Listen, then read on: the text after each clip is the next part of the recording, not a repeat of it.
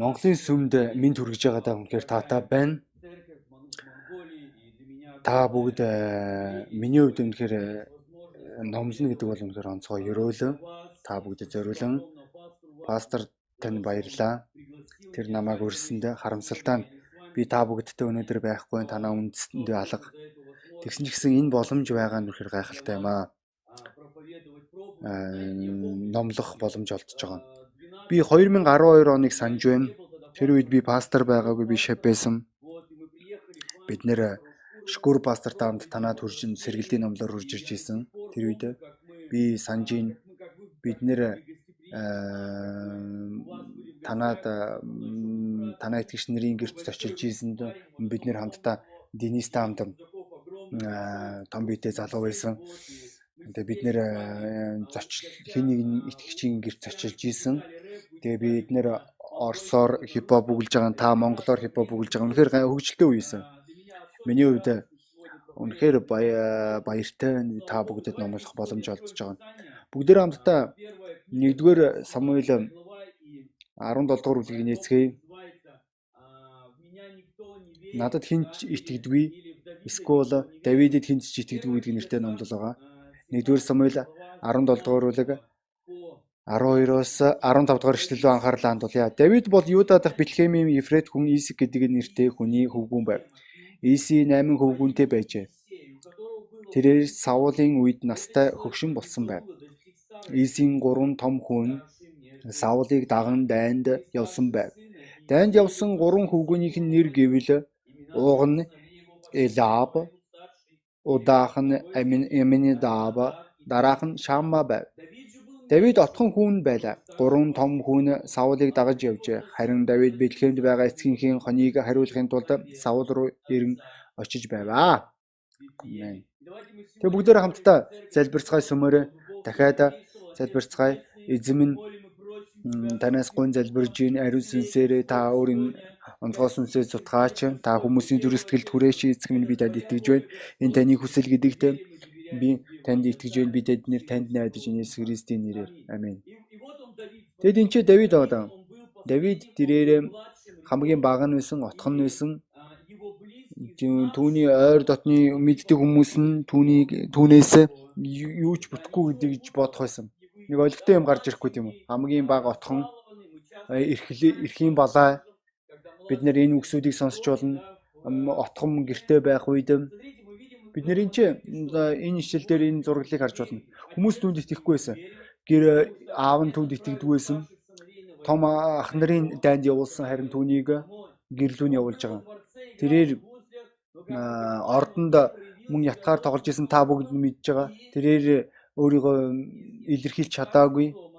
Хааны ордноос мөн гэрлүүгөө явсан. Хаан түүнийг ажиглаагүй. Би үүний талаар бодох үед би бодож байгаа том ах нар нь бодож исэн баг тийм үү. Түүнд боломж зүгээр нэг өөрийгөө илэрхийлэх боломж олдоогүй байх болов. Гэхдээ үндэлхэд энэ боломжийг алдсан. Орсоор бид нарт үлээсэн гэж хэлдэг. Тэг бүх юмыг өрн тараа хийсэн. Тэрээр буруу үйлдэл хийсэн байгаа. Би танаас асуулт асуумаар байна. Тантай юм юм болж исэн үү? Танд ийм үгсийг хэлж исэн үү? Хин нэгэн чамд итгэхгүй байгаа чамд хэлж байгаа нь чиний юу ч үтгэхгүй. Эсвэл зүгээр л чиний хажуугаар өнгөрч байгаа өөрийн бүхэл үгээрээ үйлдэлээрээ хүмүүс чамд хэлж байгаа чи азгүй нэгэн гэдгийг чинь чамд илэрхийлж байгаа. Чамд боломж олдогдсон. Чи энэ боломжийг шал дэмий үрсэн. Чи энэ боломжийг ашиглаагүй.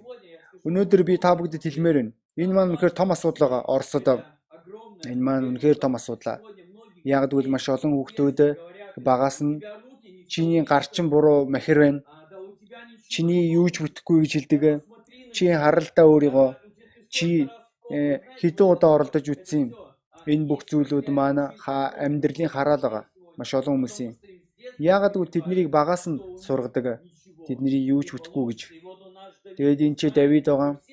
Тэр бид нэр Давид хааныг бүгдийг мэдэн. Тэр агуу бурхны агуу хаан. Гэхдээ түүний амьдралын эхлэл нь юм байна түүнийг хинч ажиглахгүй байгаа. Түүнд э, хинч харахгүй байгаа. Тэрээр буржгар үстэй зүгээр нэг хөвгүүн байсан байгаа тэр үедээ. Өсвөрийн хөвгүүн. Энэ харж байна энэ зүгээр нэг энэ хөвгүн байна л гэж байсан болов. Харин бид нэр дайчид гэж байсан баг хүмүүсээ. Том ах нар нь өөрсдийн дайчны булчинлаг биеэр багч ирсэн. Харин тэр зүгээр нэг энэ хүүхд гүйжлээ гэж бодож байгаа хүмүүсээ. Харин бид нар бол дайчид гэж хүмүүсээ хандх байсан болов. Энэ нь өнөөдөр маш том асуудал. Дуулал номон дээр 8 дугаар бүлэг дээр би тэнгэр рүү харах үед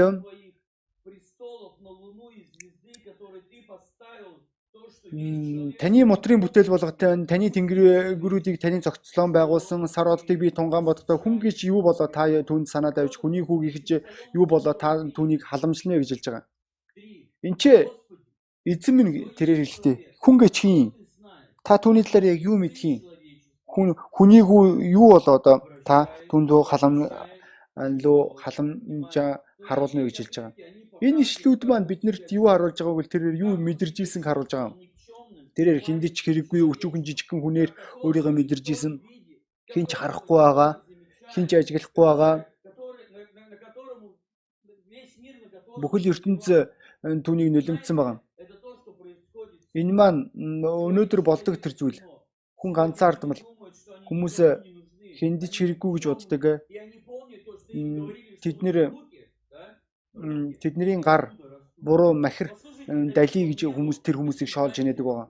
Давид маань түүнийг э, сүнслэг терминатор гэж боддог, төсөөлдөг. Тэгвэл тэр тийм байгаагүй. Тэрээр өөрийн боломжоо хайж исэн нэгэн байгаагүй. Тэрээр хамгийн шилдгийн шилдэг болох гэж хүлээгээгүй. Тэр тийм байгаагүй. Тэр түүнд хинч түүнд итгэдэггүй тэр харж исэн. Би танд илүү зүйлийг хэлмээр байна. Бид нэр Саулын талаар унших үед Саул хүртэл Давид унших үед Давид өөрөө өөртөө өөрийгөө сул дорой мэдэрч исэн бид нэр харж болно дуулал номноос унших үед. Тэгвэл бурхны биднэр лөө чиглэх харц бий. Энэ Библийн зарчим байгаа. Би үүнд итгэж байна. Бурхан биднэрээс бурхнаас биднэр бурхан биднэрээс боломжийг олж хардаг. Өөр өөр хардаг хүмүүсээс. Энэ Библийн өөр үнцэг байгаа. Маш сонирхолтой түүхий хэрвээ танд бичээсэн нээлттэй болоо 1-р Самуэль 1-р бүлэг дээр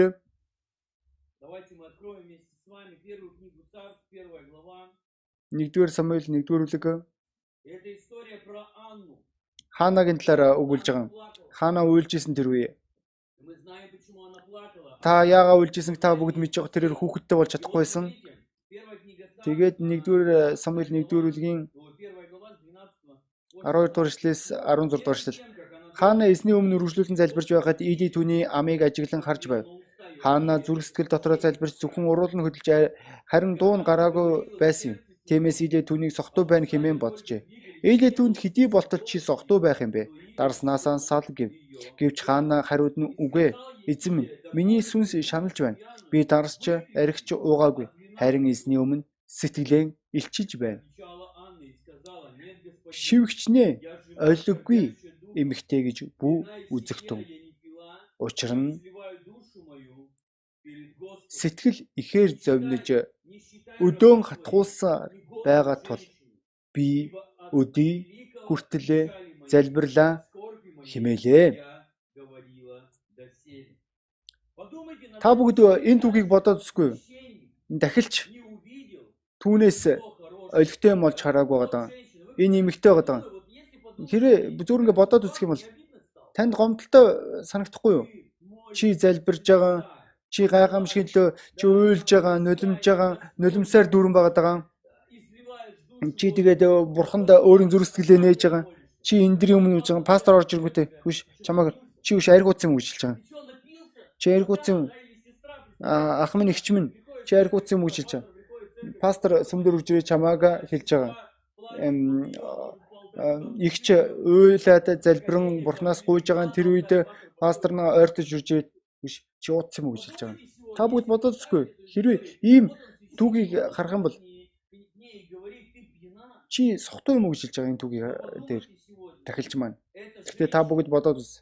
Энэ нэмэгтэй маань тэрээр бурхан эзнээс хүүхэд гуйж чадсан. Тэрээр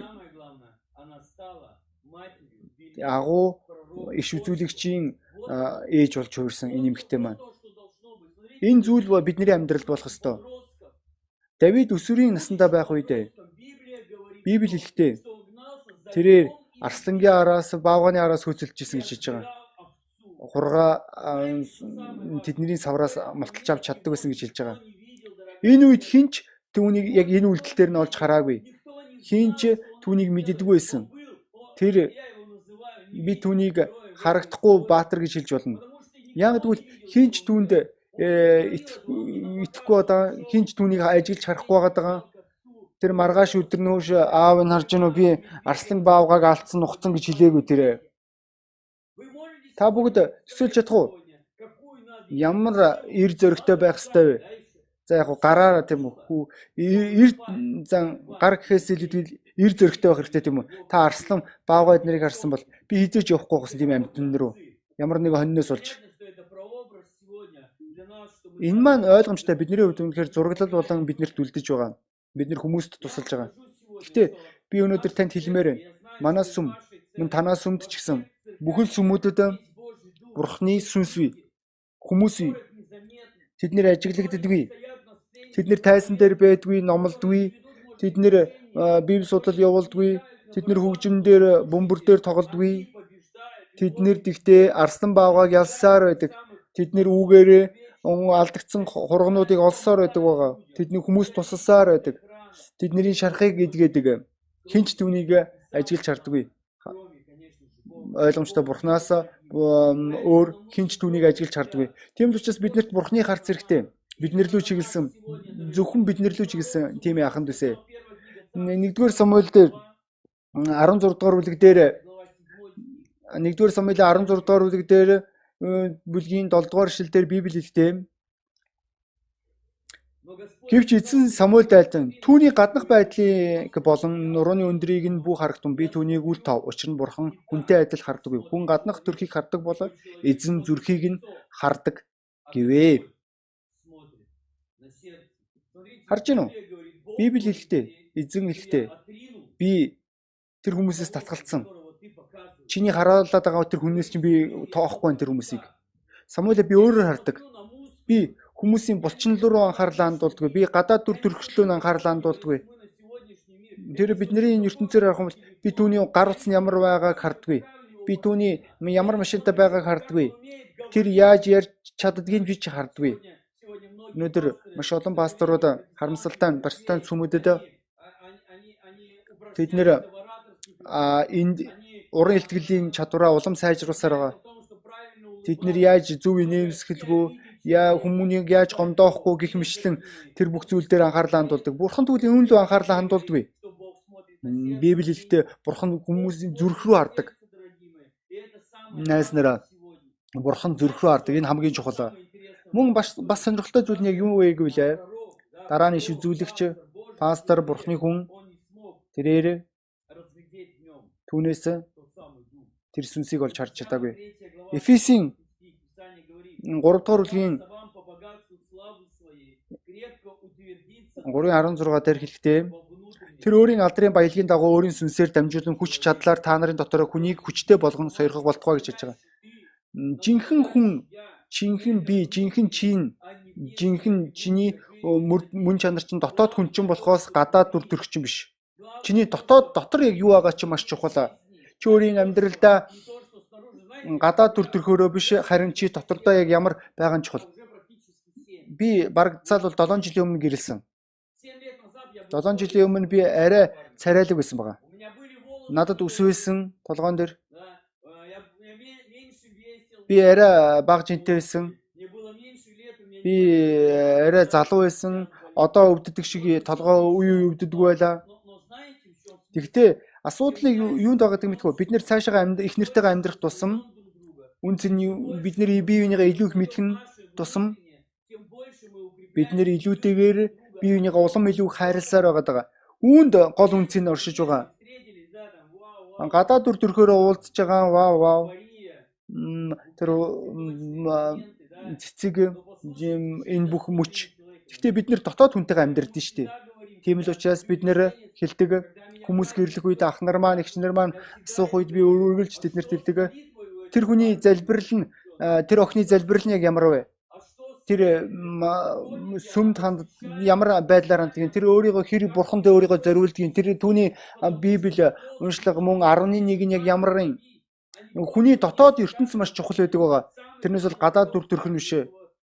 Хэрвээ гэрлээгүй хүмүүсийн талаар би би хэлмээр нь би өөрийн их нэртэйгээ танилцахаас өмнө би ихнээс нь пастор руу ойртон үрж ирсэн асуусан байгаа. Чи юу гэж бодож байна энэ охины талаар? Хэрэв пастор надад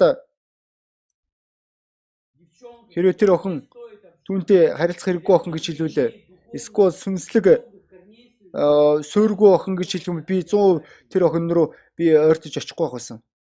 100. Яг л энэ маань чухал учраас. Яг л бурхан хүний дотоод дүр төрхлөө анхаарлаа хандуулдаг. Та нар харж байсан нэг ийм нэг хүмүүс байдаг. Би өөрийн амьдралдаа ажиллаж байна. Өөрийн зүрх сэтгэлдээ хүчрхийл амссан хүмүүс. Тэд нэр залуу хүмүүс уган бол. Гэхдээ тэдний гадаа төр төрх нь өвдөлттэй. Ямар нэгэн одоо яг одоо яг тэр дотоод явдал нь хүртэл үнэхээр сүрцэн. Хүн заримдаа хүн сүм рүү орж ирж байгаа. Үнэхээр тэр хүн 20 настай 30 настай мэт. Гэхдээ тэр аль хэдийн явцсан юм шиг санагдаж байгаа. Энэ хүмүүс тэр өөрийн зүрх сэтгэлдээ үнэхээр туйлдсан хүмүүс. Тэд нэр өнөөдөр дотоод зүрх сэтгэл нь өвдөж байгаа тэр хүмүүс. 2 дугаар Коринт дээр би Библи хэлэхдээ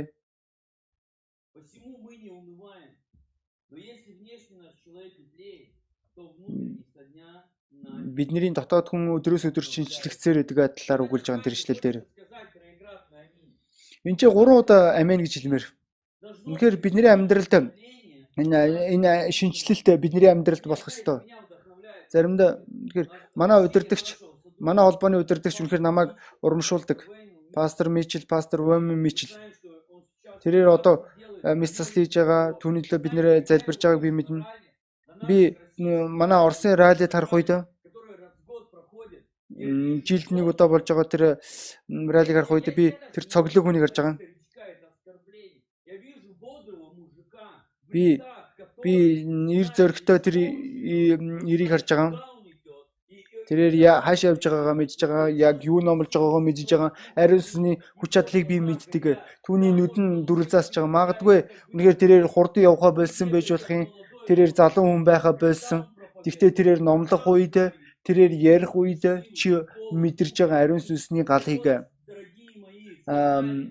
жил өнгөрөх тусам бид нэр итгэгч нарын хувьд улам илүүтэйгээр бид нэр илүү сайжрах ёстой. Бид нэр илүүтэйгээр төвчээртэй болох ёстой. Бид нэр илүү сайхан сэтгэлтэй болох хэрэгтэй. Илүү амьдралдаа бэхжих хэрэгтэй. Мэргэн ухаан бид нартэй бий болох ёстой бид нэр ахих тусамнаас ахих тусам улам илүүтэйгээр хүмүүс биднэртэй харилцах тааламжтай байх ёстой. Монгол ямар байдгийг би мэдэхгүй юм. Манай үндэстэнд энэ том асуудал байдаг. Биднэрт хүмүүс хэр удаан амьдрна тэр хэмжээгээр уламд орцоор байдаг хүмүүс. Санаа суусаар байдаг. Тэдний бүгтгэр болж байгаа юм. Уг нь бас сүнслэгээр өсөх ёстой. Тэд нэр хүмүүсийг үзий ядаж эхэлдэг иргэн дойрны хүмүүсийг байнга л гомдолдог. Тэдний амьдрал байнгын сэтгэл дундуур байдал. Нас ихэх тусам тэдний амьдрал улам илүүтэйгээр сэтгэл дундуур байдал ирсээр идэг тэдний амьдралд. Тэд нэр өөрсдийн амьдралаа харж байгаа. Тэгээд сэтгэл дундуур байгаа. Тэд нэр гонсооцсон байгаа. Мөрөөдөл нь биелэгдээгүй. Амьдрал нь өнгөрсөн хаашаа өнгөрсөн юм. Тэгээд энэ хэсэг байгаа. Бид нэр өөр бид нар бурхан дотор өөр болох ёстой гэдэгт би итгэж байна. Хэрвээ гаднах дүр төрх маань ялзарч байгаа бол 7 жилийн дараа магадгүй миний толгой дээр ус үлдээгүй ерөөсөө гаднах хүн маань муудаж байгаа ч гэсэн дотоод хүн маань улам илүүтэйгээр шинжлэгдсэн. Би Монголд очихдоо хүртэл би өстэй байсан нэрээ. Миний дотоод хүн маань өдрөөс өдөр шинжлэгцээр байх болно. Улам илүүтэйгээр амен. Энэ бидний амьдралд болох ёстой зүйл. Учир нь бурхан биднийг харж байгаа. Бурхан биднийг энэ ертөнцийн биднийг сүрүүлэхийг хүсэж байгаа. Диавол сүрүүлэхийг хүсэж байгаа, үзээ ядж байгаа. Тэрээр хүмүүсийг үнэлдэггүй. Изекил номын 16 дугаар бүлэг дээр Изекил номын 16 дугаар бүлэг дээр пупа твоего не отрезали, и водою ты не была омыта для очищения. Тинчээ төрөлтийн талаар өгүүлж байгаа юм. Би чиний дэрэг дүрээ өнгөрч чамайг цуснд тийчлэн байхыг харсан үед чамайг цустай хэвээрээ байхад чинь би чамд амьдр хэмээсэн. Чамайг цустай хэвээр байхад чинь би чамд амьдр хэмээн айлцсан билээ. Би чамайг чи газар хаягдсан талаар мөн цаашаа өгүүлж байгаа. Төрөлтийн үед би чиний хажуугаар өнгөрөөд цусан дундаа утгалдан хаягдсан байгааг би харж ирсэн гэж хэлж байгаа. Төрсөн тэр хэсгийг дөрөвдүршлээс эхлээд байна.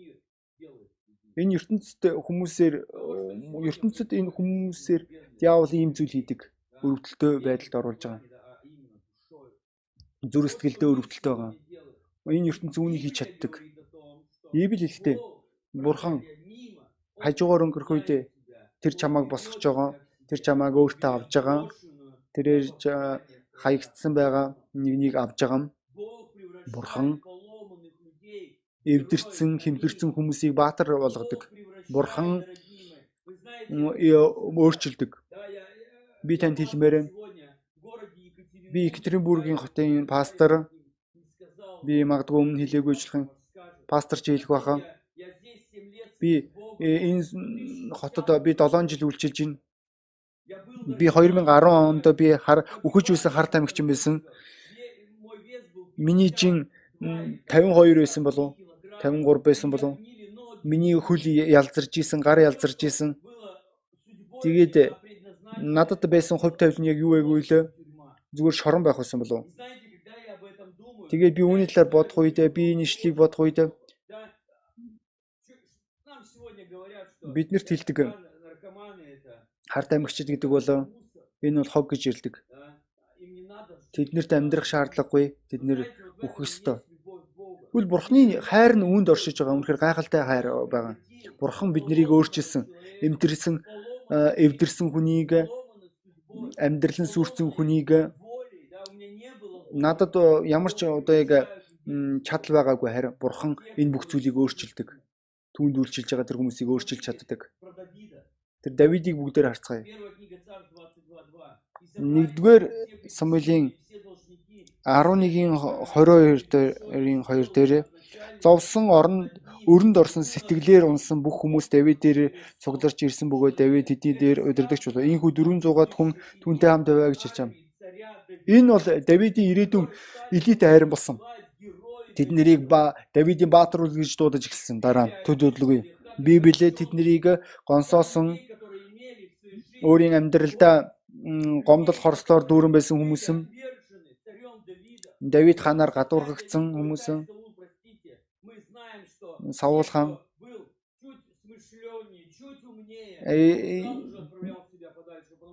Саул одоо яг түүний хаан үргэлж хүмүүсийг гадуурхаж ирсэн. Тэгээд Давид руу хүмүүс шилжиж байгаа. Тэгээд Давидын араас Саул байн хөөцөлж ирсэн үү. Өмнө нь тэднийг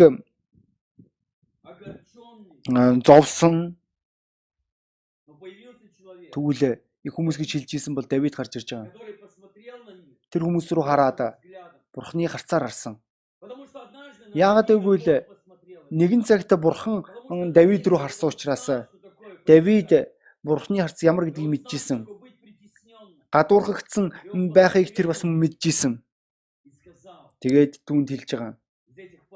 Энэ залуучуудаас би өөрийн үгээр энэ залуучуудаас мундаг хүмүүс гарч ирнэ. Тэр тэднийг эсэргүүцлээс нь гаргасан. Давид бурханд үнэн чигээр үлдсэн гэдгийг та бүгд мэдэж байгаа. Саул Саул нэг хэд хэд удаа алах боломжтой байсан ч гэсэн Давид алаагүй. Үүнийг хийгээгүй.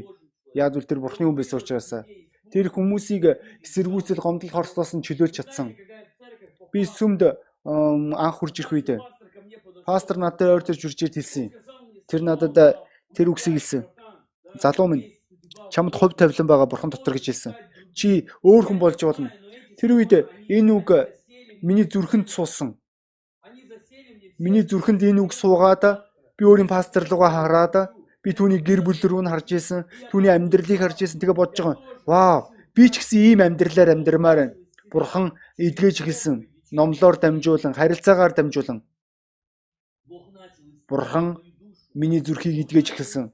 Бурхан миний сүнсийг эдгэсэн. Бурхан намайг зөв шийдвэр гаргаж сургасан. Намайг эдгэсэн учраас. Тэгвэл өнөөдөр яг яаж баатар болох вэ? Практикийн талаар ярив. Би итгэж байна. Нэгдүгээрт бид нэр Давидын байр суурийг ойлгох хэрэгтэй. Давид бидэртэй л юм байсан. Тэр бурхантай харилцах харилцаатай байсан. Нэгдүгээр Самуил 10 34 нэгдүгээр Самуил 17 Гэвч Давид Саулд таны бол би эцгийнхээ хоныг хариулж байсан. Арсан эсвэл баавга ирээд 20 сүргээс минь хураг авч явбала би араас нь хөөн очиж түүнийг довтолж хургаан авардаг байв. Хэрвээ тэр над руу дайрвал би сахлаасан шүүрэн авч түүнийг зохиж алдаг байваа.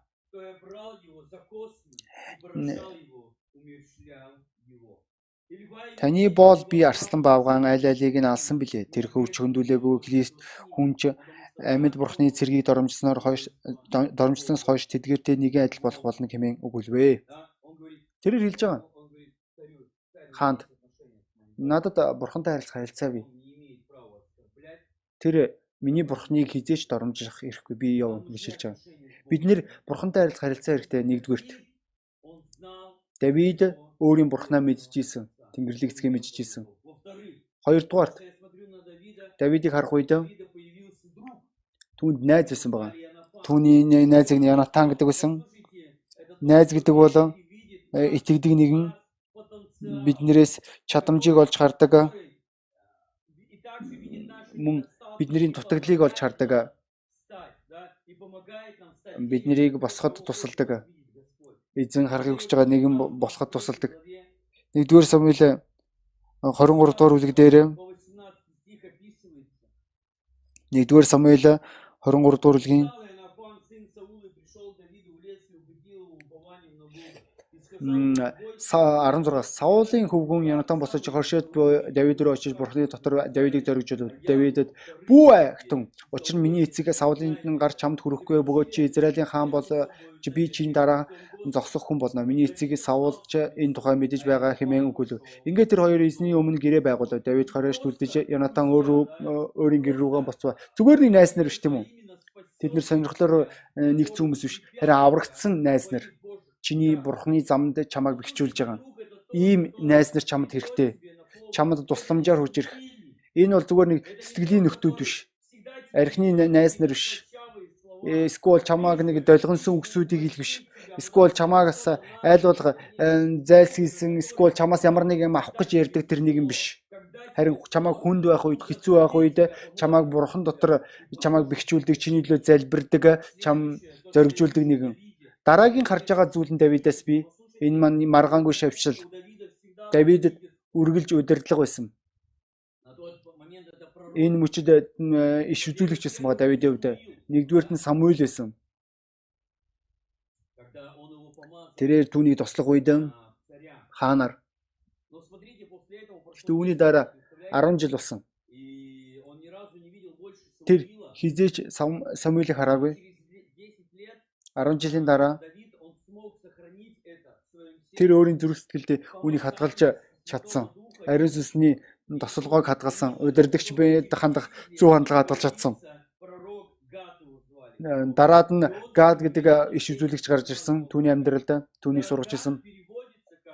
Энэ нэр маань одоо энэ нэр маань орчуулагдгаа ялдаг зэвсэгт хүчин гэж орчуулагдж байгаа түүний нэр тэр иш үзүүлэгч. Энэ үнэхээр гайхалтай бурхны төслөгч бурхны хүн байсан түүний амьдралд иш үзүүлэгч пастор байсан гэж хэлж болно.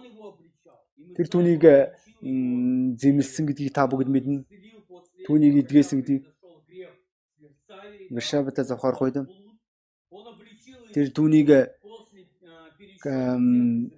Израильчуудыг тоосны дараа түүнийг бас мөн зэмлсэн байгаа. Чи ингэж болохгүй гэж хэлсэн түүнд. Давид үүнийг хэлсэн. Ийш үзүүлэгч үрж ирсэн. Тэр түүнд Арунагийн талбайг худалдаж авахд тусалсан. Цаашдаа тэгээд энэ ч хамгийн анхны сүм байгуулагдах болно гэдгийг та бүгд мэдний эзэн зориулан энэ юу гэсэн үг вэ энэ шавьчлал гэдэг маань пастор одоо харилцах харилцаа нь Давидын амьдрал ирээдүйд нөлөөлсөн. Яагаад гэвэл хин нэгэн өөр хин туслах юм. Бид нарыг өөр зүг рүү чиглэх үед хин чам дээр хурж ирэх вэ? Ах минь, эгч минь чи харалда. Чи энэ нөхцөл байдлыг хар. Биднэрт тусламж хэрэгтэй. Миний амьдралд тусламж хэрэгтэй. Би өөрийн пастор руу залгадаг. Би тэгээ түүнээс асуудаг. Зөвлөгөө авдаг. Яг гэвэл миний амьдралд сургалт хэрэгтэй, чиглүүлэг, зэмлэлэм, засвар хэрэгтэй. Би шавьчлал биднэрт туслах болно. Бид нэр бусад хүмүүст төрхийн тулд бид нэр бусад хүмүүст туслахын тулд манай холбоо маань шавьчлал дээр байгуулагдсан. Бид нэр сургадах чадвартай. Би та нарт хэлмээр нь танаа пастор.